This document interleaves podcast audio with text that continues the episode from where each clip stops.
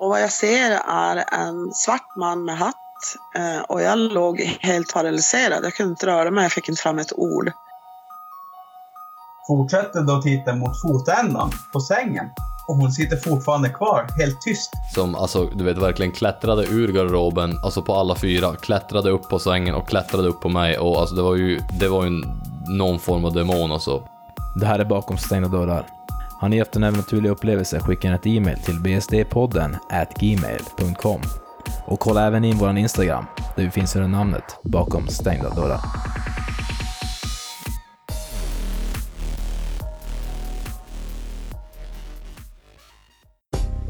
Tjena, tjena, välkommen hit ikväll Alexander. Och Alexander där. Ikväll är med oss Staffan. Han kommer att eh, prata med oss om en upplevelse på sjukhuset när hans fru hade gått bort. Staffan kommer även att prata lite grann om två upplevelser han haft med ufon. Eh, välkommen hit ikväll Staffan. Tack. Du hade en upplevelse, du hade kunnat berätta lite grann om det och börja från början. Ja, det gällde min fru. När hon dog. Jag tar den korta versionen då. Du får. Ja, du, du får jättegärna ta den, ta den långa så att det blir, om du, om du har möjlighet så. Ja, ja, okej. Kan vi göra det. Nej, jag har ju legat hemma rätt länge, så att säga. Men de sista fyra dagarna så, så då klarade hon sig själv. Så hon var tvungen att åka upp till lasarettet. Hon åt ju inte själv då. Gick ju ner från 60 kilo till 35 kilo. Det var bara ben, bara ben och skinn kvar. Men hur som helst. Midsommarafton 2014 satt jag och kompisen här på altanen och hade lite midsommarsill. Och jag tog en nubbe och en öl. Och av någon anledning så drack inte han någonting. Det, det brukar han göra. Och när klockan är framåt en halv tolv på natten så ringer telefonen. Från lasarettet. Så säger du Staffan, du får komma hit nu för att eh, din fru har fått en annan andning. Fan, tänkte jag, hur fan ska jag komma dit? om jag kör som kompis. Okej. Vi sätter oss i bilen. Och jag manar ju på honom och han är en sån person. Han kör ju helt 10 kilometer under hastigheten. så när vi kom halvvägs så ringer telefonen igen och samma person. Då insåg jag vad det var. Då sa han tyvärr Staffan, din fru har gått bort. Vi fortsätter ju upp till lasarettet. Kommer upp till rummet. Och då förstår du hur man mår när man kommer dit. Det behöver jag nog inte förklara. När man då eh, har tagit sig samman en stund så det, tittar jag upp mot ansiktet på henne. Då ligger hon med halvöppen mun och hon ligger med halvöppna ögon. Och det är ju rätt förvånansvärt, för man brukar ju stänga munnen på folk. Men hur som helst. Varje gång jag hade varit uppe och hälsat på henne så jag sagt till henne att vi syns imorgon så jag ger en kyss. Då tänkte jag, jag gör samma sak nu. Så jag sa till henne att du får släppa taget så gav jag en kyss. Då händer någonting som jag aldrig någonsin varit med om tidigare. Och jag förstår så inte heller personalen. Då stänger jag munnen. Och ett leende kommer på läpparna. Jag går ut till personalen och säger, säger kom och titta, kom och titta. Och de kommer in. Och de visste ju att hon såg ut innan. Ja, men det är omöjligt. ja, men det hände just nu. Precis just nu hände det. Och det, det, det, gick, det går just nu hemma fortfarande, tänk på det. Hur som helst. Efter ytterligare någon halvtimme, timme så åkte vi hem. Och då var ju stämningen inte lika glad som då innan. Men eh, klockan var rätt mycket, hon var närmare fyra. Och eh, vi tänkte vi kan väl ta den sista nubben som vi höll på med. Och då smäller det till utav helvete uppe på taket. Tänkte, vad fan var det? Och jag ut och tittade uppåt och jag fann ingenting. Tittade, gick runt huset. Nej, där ligger ingenting. Jag tänkte det kan vara en sten uppifrån och inte så menar. Mindre lite meteorit. Ingenting sådant. Det borde ju ha sett det tycker jag. Och eh, kompisen sa lite, lite, lite eh, skämtsamt. Det var säkert Annie, min fru alltså. Det var säkert Annie som talade om att nu reste hon. Och då rörde sig igen. Så gick några dagar. Kompisen bodde för alltså nere på bottenvåningen nere hos mig just på den tiden. Han är sig där. Och, eh, en stor rökare, men rökte aldrig inomhus. Hur som helst, några dagar senare så ropade jag på honom. Att han fick komma upp. Ja, då kom jag upp. Vad är det frågan? sa han. Du, du får ge fan i att röka inomhus. Men jag röker inte inomhus. Snacka inte skit. Du känner det själv. Och när vi ställde oss på en speciell punkt i hallen så det luktade något enormt hemskt väldigt mycket rök. Alltså gammal rök. Av cigaretter. Men jag röker inte inomhus. Ja, vi går ner och kollar, sa jag. Men det fanns ingen röklukt där nere. Det var bara just där. Så jag tänkte jag får ta kontakt med en medium i Stockholm. Som jag då har haft kontakt med lite för skojs skull en gång i tiden, en tjej. Hon ber mig då ta lite foton runt omkring och skicka, jag skickar upp till det. Det går någon dag eller jag känner efter ringer att jag, jag, jag återkommer till dig. Sen berättar hon då att ja, du har besök. Och sen berättade han då att det var en kille som tydligen hade vunnit inne i en övervåning, inte i det här huset för den sakens skull, men annanstans. Och i samband med när Ann-Marie Larmi då gick över så försökte hon få med sig den här killen över. Det lyckades inte. Och därför fick jag den, där reaktionen. Och hur som helst, hon gjorde, gjorde sin sak, vad man nu gör som komedian. Och några dagar senare så var det borta. Bara det förvånansvärt. Det försvann. Däremot känner jag av när min fru kommer lite då och då, för hon kommer och hälsar på. Och hon rökte ju som sagt var. Det är ju en eh, liten, eh, alltså inte hemsk doft, men jag känner ju röklukten. Jag känner hennes parfymdoft. Alltså jag känner dofterna från henne. När hon röker brukar jag säga, du snälla gå ut på altanen. Så kom in sen när vi slutat röka. Då försvinner ju röklukten. Och sen efter en stund så kommer hon, kom hon tillbaka, då känner man liksom bara ett andetag att det finns någon, eh, jag kan säga lite lukt utav ett andetag.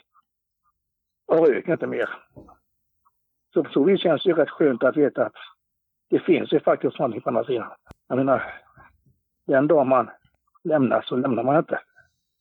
Man öppnar bara en dörr och går vidare. Jag tycker det är rätt fantastiskt. Det är en historia som jag tycker både är söt men verklig och det har verkligen hänt också. Vad tänkte du om, jag förstår om det är ett känsligt ämne, men när, när din fru, när det där hände på sjukhuset, vad tänkte du kring det då? Var din första reaktion att det är någonting om man, hur ska man säga, någonting från andra sidan, något övernaturligt eller tänkt, jag tänkte vad tänkte du och sjukhuspersonalen kring det? Alltså jag personligen har aldrig haft problem med det man kallar för det, det, det övernaturliga. Jag, jag tycker liksom att min pappa dog ju 1986. Och även honom så såg jag när han, när han gick över. Ja, när jag, jag bodde i Alingsås, eller vänta nu, i Borås på den tiden. Lillebrorsan var nere hos honom. Och ringde mig då tidigt på morgonen en sommardag. In vid fyra tiden så du får köra ner nu så att jag tappa mig dåligt. Och jag körde så fort jag kunde. Långt över det får man, man får köra, men det var ju mitt i natten så det var ingen biljävel ute när jag kom då till, eh, vad heter det området där du har eh, 122an, du har det här eh, bilmuseet. Hur som helst, och då, då immade igen i fembrytare på mig. Det var, det var varmt ute alltså. Iskallt i bilen. Och så ser jag en skugga. En person som vinkar framför mig och så försvinner allting. Jag tog reda på tiden, tittade på klockan. När jag kom ner till Roland så sa jag att pappa är död. Hur fan vet du det? sa han. Han dog klockan då och då. Och han tittade på mig, hur fasen vet du det? Så förklarade jag det. Så att men, jag har, jag vet inte på att jag kan det här men jag, jag, jag känner av liksom eh, energier. Och eh, på så vis så är, är det inget konstigt för mig. Däremot var det konstigt för personalen på lasarettet. För de stod bara och tittade, de stod gapade och tittade. Och menade på att det där är omöjligt, men det, det var det ju inte. Nej, de har ju ändå varit med, tänker jag, om många som har liksom passerat. Så att om det är första gången förstår jag att det... Tydligen inte att, att någon har slängt munnen efter en kyss. När de dog personligen, eller då liksom är, de är dödförklarade. Men var, var det så att du, varje gång du sen, tänker jag, for från sjukhuset annars, innan de här gångerna, att du gjorde samma sak då, att du gav henne en kyss innan du for? Ja. Så det var ja, det som... tycker jag det tillhör ju. Jo, precis. Så att det var som, alltså ditt sätt, och, eller ja, ert sätt kan man väl säga, att säga som adjö, liksom, ja men nu. Ja, Som hon bekräftade att hon, eh, att hon eh, liksom kände av alltså din närvaro. ja. Ja, alltså det finns ju det finns de runt omkring som har sagt att hon stannade ifrån väntade på att jag skulle komma. Så att liksom då fick ta farväl. Det ligger väl nog någonting i det. Man har ju hört om folk som, en del som, som um, håller sig som fast fast de kanske inte orkar tills anhöriga och sånt där har kommit och sagt adjö. Sen så kan du gå ut över det tänker jag. Mm. När de av väl har passerat. Det finns många, det finns ju historier om sånt också. Va? Alltså jag, jag tror ju på dem. Genom att jag dels har upplevt det själv. Jag vet ju de som berättar sådana saker för mig, de jag känner, de vet att de, de, de, de, de ljuger inte, de talar sanning. Så att eh, visst, eh, det finns ju olika sätt att, att liksom eh, bemästra en människas död. Många orkar ju inte se, se den döda. Eller orkar inte ens ta sig dit. För de, dels vågar de inte, kanske de är rädda för det. Eller att de är, de är för ledsna för att de, de inte klarar av det. De bryter ihop. Och jag bröt ihop när jag kom upp, det ska jag ta för det. Ja, det förstår jag. Ja, men sen tar det ju en stund, sen får man ju liksom upp och försöka samla sig. Det var ju det jag gjorde. Det var ju då jag gav en höst och så ut och, ut och släppa taget nu. Och då gick munnen ihop. Ett leende, vad fan. Det är, jag glömmer aldrig den synen. Jag glömmer aldrig det. Jag förstår det. Men det måste ändå vara skönt för dig det, alltså. Visst, o ja. O ja. Dels en bekräftelse på att hon väntade på mig. Och dels en bekräftelse på att min tro på att det, det finns någonting efter verkligen stämmer. Men alltså jag tycker det är skönt bara att veta att, att eh, den dagen man lämnar jorden, okej, kroppen grävs kanske då i några meter. Nu har vi ju bara här för att liksom vi ska kunna fungera på jorden. Men du själv, jaget eller själen som det kallar det, den fortsätter. Mm, men spännande. Ja, det finns väl som alltid, tänker jag, också någon form av trygghet att veta att det inte blir, om man säger helt svart efteråt. Det är ju, döden är ju som skrämmande och det har varit det sen människans begynnelse, att man har funderat vad som händer ef- efter livet. Mm. Allting är ju kretslopp. va. Men det är ju folk kanske sakta men säkert var inse att allting är ett kretslopp. Allt hör samman. Vad gäller, gäller både naturen, jorden, människan, djuren, atmosfären. Allt, allt hör samman. Jag funderar här, du pratar ju om ett medie från Stockholm. Har, har hon varit, hon har, men hon har inte varit hemma hos, hos er? Nej, aldrig, aldrig, aldrig. Jag har, jag har kontakt med henne någon gång då och då via nätet. Ja. Jag har henne som vän eh, på eh, min vänlista. Karina heter hon.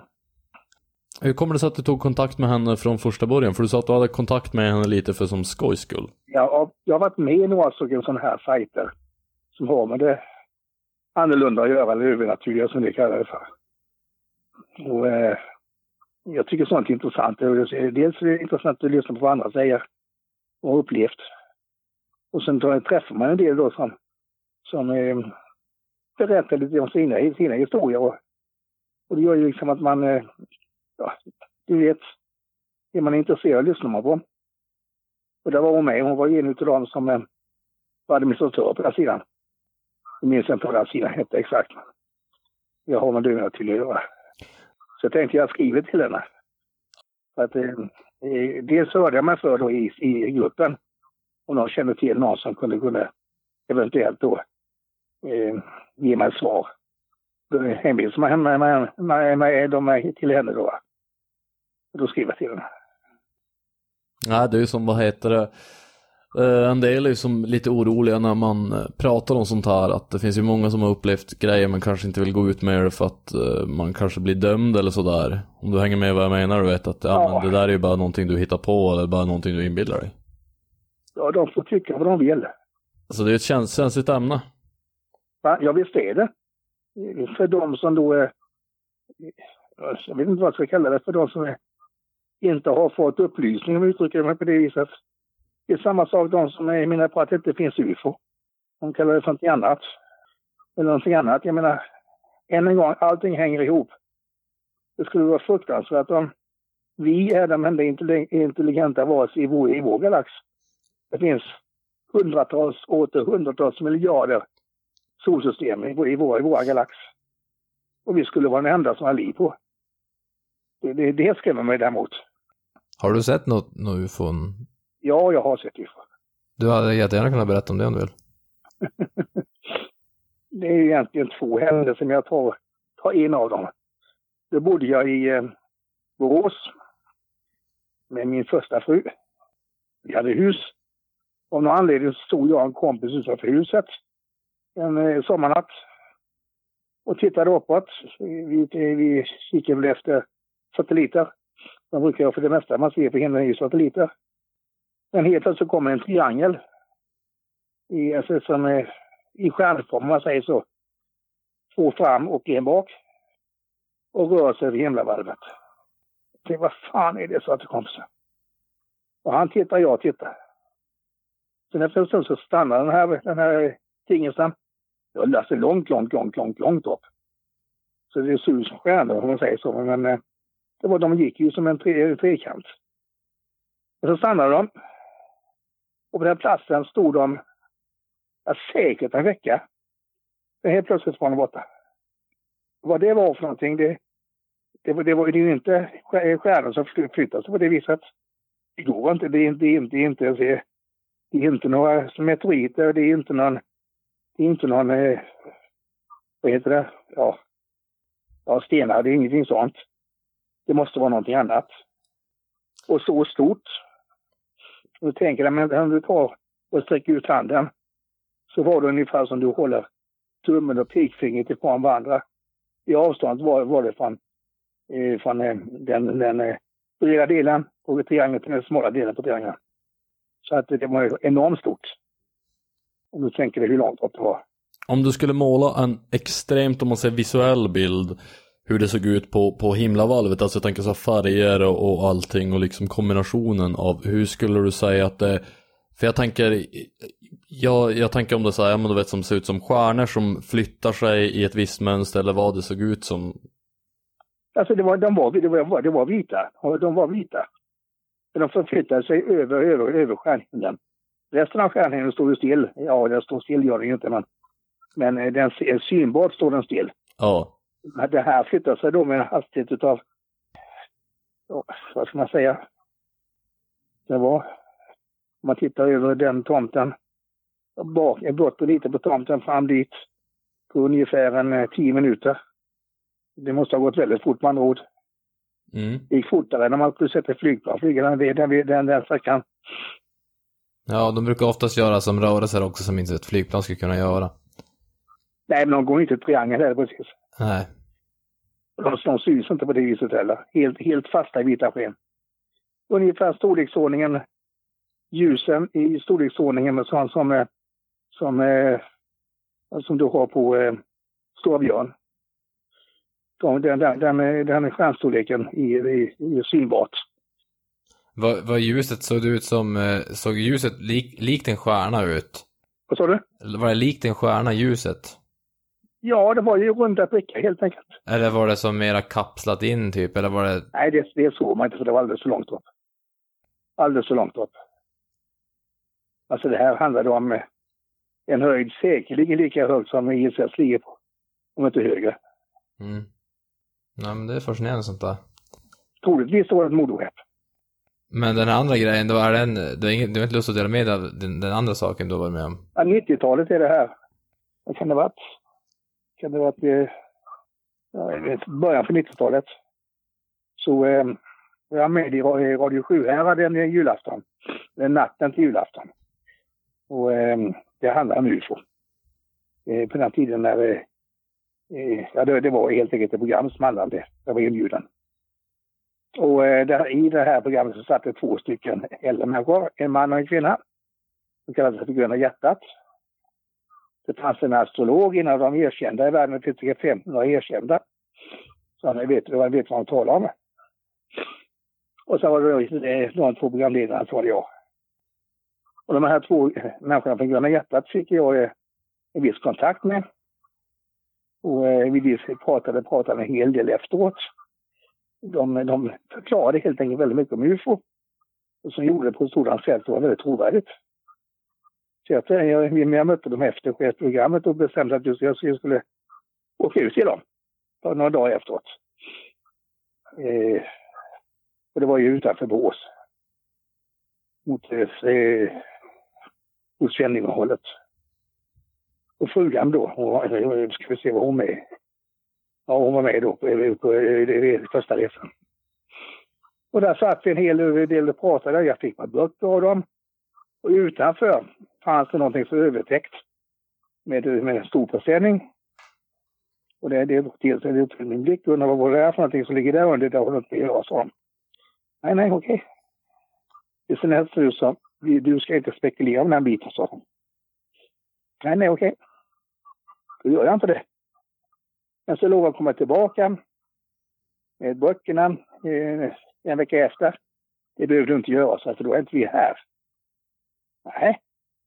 Nej, men däremot, om du ställer dig utanför i din bostad, nu kommer jag inte ihåg datum och så vidare. Det var väl någon vecka efteråt. Och tittar uppåt och tittar åt, vad blir det? Nästan västerut. Så kommer du se oss när vi, när vi far. Jaha, hur då? Ja, det, det, vi får se. Det tog jag som ett skämt, men jag tänkte att det gör jag väl det då. Och eh, vid klockslaget som är, som på Båstad så kommer då en farkost på låg höjd. Säkert inte så mer än 100 meter. Stor farkost. Och eh, har accelererat den rätt, rätt häftigt över, över, över nejden. Men när han kommer över oss så bromsar han in. Ungefär som du vet när flygplan är ensamma, man vickar vingarna. Så vickar den här farkosten och sen stack det med en enorm hastighet österut. Det glömmer jag heller inte. Nej, det skulle jag nog inte ha glömt bort själv heller. Vad, vad sa du, du fick kontakt med de här personerna genom ett tv-program, eller hur var det? Ett radioprogram. Var det de från radiokanalen som hade farkosten? Nej, nej, nej, nej, nej, nej, nej. Det var det, de, de som är kallas för Gröna hjärtat. De var ju med på det, i, i det programmet. Jaha, de var med i programmet? Ja. Okej. Okay. De kallas för Gröna. Ja, ja okej. Okay. Och sen så, du, du mötte upp med dem och sen? Ja. Sen, sen en, eh, någon vecka eller ett par veckor efter tänkte jag ska åka dit i alla fall. Och se vad fan jag ska se i den här stugan. Och av någon jävla anledning så hittade jag inte den. Jag hittade inte den. Dit du var tidigare? Ja, visst. Och jag, jag har inte dåligt lokalsinne. Jag hittar fan inte stugjäveln. Jag vet inte var den fanns. Den fanns, den fanns inte på den här platsen som den skulle varit. Det var bara en äng. Så förklara det för mig. Förklara det för mig. Det var kusligt däremot. Jag förstår det. Ja, vad heter det nu, vad, vad, tror du det var då för någon, eh, alltså för någon... Ja, det var ju besökare antar jag. Alltså de var inte från, de var inte från jorden? Nej, det tror jag inte. De ser ut som dig och mig, lite äldre bara. Jag vet att många går in på det här lite grann om andra dimensioner och sånt där när de pratar om utomjordingar grejer kan det vara att, att, att eh, dimensionella varelser som flyttas mellan... Menar man reser genom dimensionerna? Ja, flyttas mellan dimensionerna. Du menar från, eh, från framtiden och hit till vårtiden, så att säga? Ja, till exempel. Jag tvivlar mycket på det. Ja. Däremot, ja, men... däremot att, vi, att vi har blivit besökta, det, det är däremot tvivlar jag inte på. Ja, och nej, men jag, jag tänkte vad många tror det, att, att det kan vara dimensionella... Ja, men det är ofta sådana som vill försöka och, och eh, förklara bort sin, sitt, sitt, tvivel. Ja, precis. Det, det, är ju väldigt många, alltså det finns ju så mycket liksom planeter och överallt så att... Ja, det vore ju utopi för fan ju. Om vi skulle vara ensamma. Fy fan vilken tanke. Ja, och sen är det, människan, människan gör allt för att ta död på sig själva. Ja, nej, jag tror inte att vi är ensamma. Nej, jag vill nog påstå att jag vet att, inte, att vi inte är det. Nej, jag tror också att det, jag tror att det är en omöjlighet att vi är ensamma. Ja, ja. Med tanke på hur, hur pass lite vi egentligen vet. Ja, vi, vi vet väldigt lite om universum. Vi vet, vi vet faktiskt mer universum än vi vet om, om våra, våra världshav. Det är ju ännu, ännu mer skrämmande. Jag vet inte hur många procent, eh, om du har den siffran i huvudet, hur många procent av världshaven som inte är utforskade ännu, men det är ju... Jag hade ett program om det på H2 häromdagen. Ja. Jag tror man nämnde något som mellan 7-8 procent känner vi till. Precis, att det är över 90 procent som vi inte har ja, utforskat. Ja, kunskap Och framförallt har det med djupen att göra. Men vad för någonting sa du? Det har ju med det så kallade världsdjup, eh, havsdjupen att göra, de stora djupen att göra. Ja, precis, precis. Ja, det, är- det är många kilometer ner på vissa ställen. Oh ja, för fan. Det är ju... Oh ja, det är det. Den säger det djupaste vi har är över en mil. Marianagraven. Ja, den var 11, komma någonting kilometer så att... Ja, och sen precis på andra sidan jorden, ra- rakt igenom, så kommer du, kommer du upp i eh, Djävulstriangeln. Eller Bermudastriangeln. Där har du också ett ställe som är djupt. Mellan 5 och 6 tusen meter. Och där har det hänt mycket oförklarliga försvinnanden. Ja. Men det är intressant att det ligger, den ligger så rakt genom andra. Du drar en linje rakt genom jorden så, så eh, kommer du till Bermudatriangeln eller till, eh, eh, ja, till, till en, eh, djupet andra sidan. Ja, det hade jag faktiskt ingen aning om, det har jag aldrig hört om. Och det hade man även på det programmet. Ja, Ja, så det snappade jag upp just då. Nej, det är intressant. Det är jävligt intressant i alla fall. Mm, jo, det är väldigt intressant. nej så att det blir, det är spännande om man får säga det, om man får uppleva det. Om vi får, om man säger officiell kontakt med någonting, till exempel att regeringarna runt om i världen skulle gå ut och säga att ja, okej, men vi, nu har vi någonting här som vi erkänner är ett Du märker ju bara det här med Årsnöt. 1947. Ja, första. det. Råsvåt, ja. Men man har redan då så mörkade man allting. Och det får ju inte den amerikanska regeringen att, att erkänna någonting. De släpper ju inte ut någonting. Nej. Och de håller ju käft om allt. Jag förstår inte varför. Det är en förklaring är att de tror att mänskligheten ska bli räddad. Jag tror det är värre den dagen det- då, då, då de börjar visa sig för oss och inte, och att vi inte har någon förklaring. Då blir det nog redan rädda. Amerikanska flygvapnet har ju, det är ju ganska känt, de har ju faktiskt en plan för vad man ska göra vid, om man säger invasion och vad man ska göra om folk får reda på vissa saker. De har väldigt mycket planer. Det har de säkert. Det skulle inte förvåna mig. Nej det, nej, det finns ju nedskrivet alltså, så Mm. jag tror det är flygvapnet som håller i det också. Mm. Det är det här som heter eh, Majestät 1, eller vad heter det? Majestät 11, vad heter det? Den gruppen. Osäker, jag är inte så jättepåläst inom det här ämnet måste jag säga. Det finns någon som heter M. Det är M1 eller M11, jag vet inte vilket, det är något av det där. Det finns ju, finns ju, det finns ju en, en, en grupp. Den tillkom ju efter Blue Book, efter den försvann. Där man då eh, samlar in information, men däremot lägger locket på hela tiden. Man går inte ut med någonting. Mm, det är Blue Book har jag någonting om. Ja, det är väl det Ja, att den- de har tjänar på Ja, det. Blue Book fanns ju, fanns ju ett tag. Och det, det gick man ut och talade om att det ska man ju nu berätta och försöka förklara det här. Sanningen var ju det att man tog, man tog in informationen och sen la man locket på sig, förlöjligade man det. Ja, det, det är det, det förlöjligas hela tiden i media, sådana där saker. Så att eh, och det är även idag, även fast folk ser saker hela tiden som är oförklarliga på himlen så förlöjligas det i alla fall. Ja, ja, Det ja. finns ju ingen som är liksom är, eh, som vågar ta på det, som, som kan någonting. Ingen vetenskapsman som vågar säga någonting om, alltså utan att liksom tappa jobbet och sånt där. Så det, är ju- det är ju hemskt, även om, även om man skulle kunna förklara det här. Så vågar de inte berätta det. Nej, Då är deras karriär slut en gång för alla. det är ju så. Ja, det är hemskt. Ja, det finns ju... Ryssland har tagit Ryssland. Ja, det har varit något fel med vår tekniska utrustning här under det här avsnittet med Staffan när vi spelade in så att eh, det varit ett, ett, eh, abrupt avslut här. Men vi hann i alla fall få med det väsentliga. Eh, så vi vill tacka Staffan och er som lyssnar på podden. Tjena! Tjena!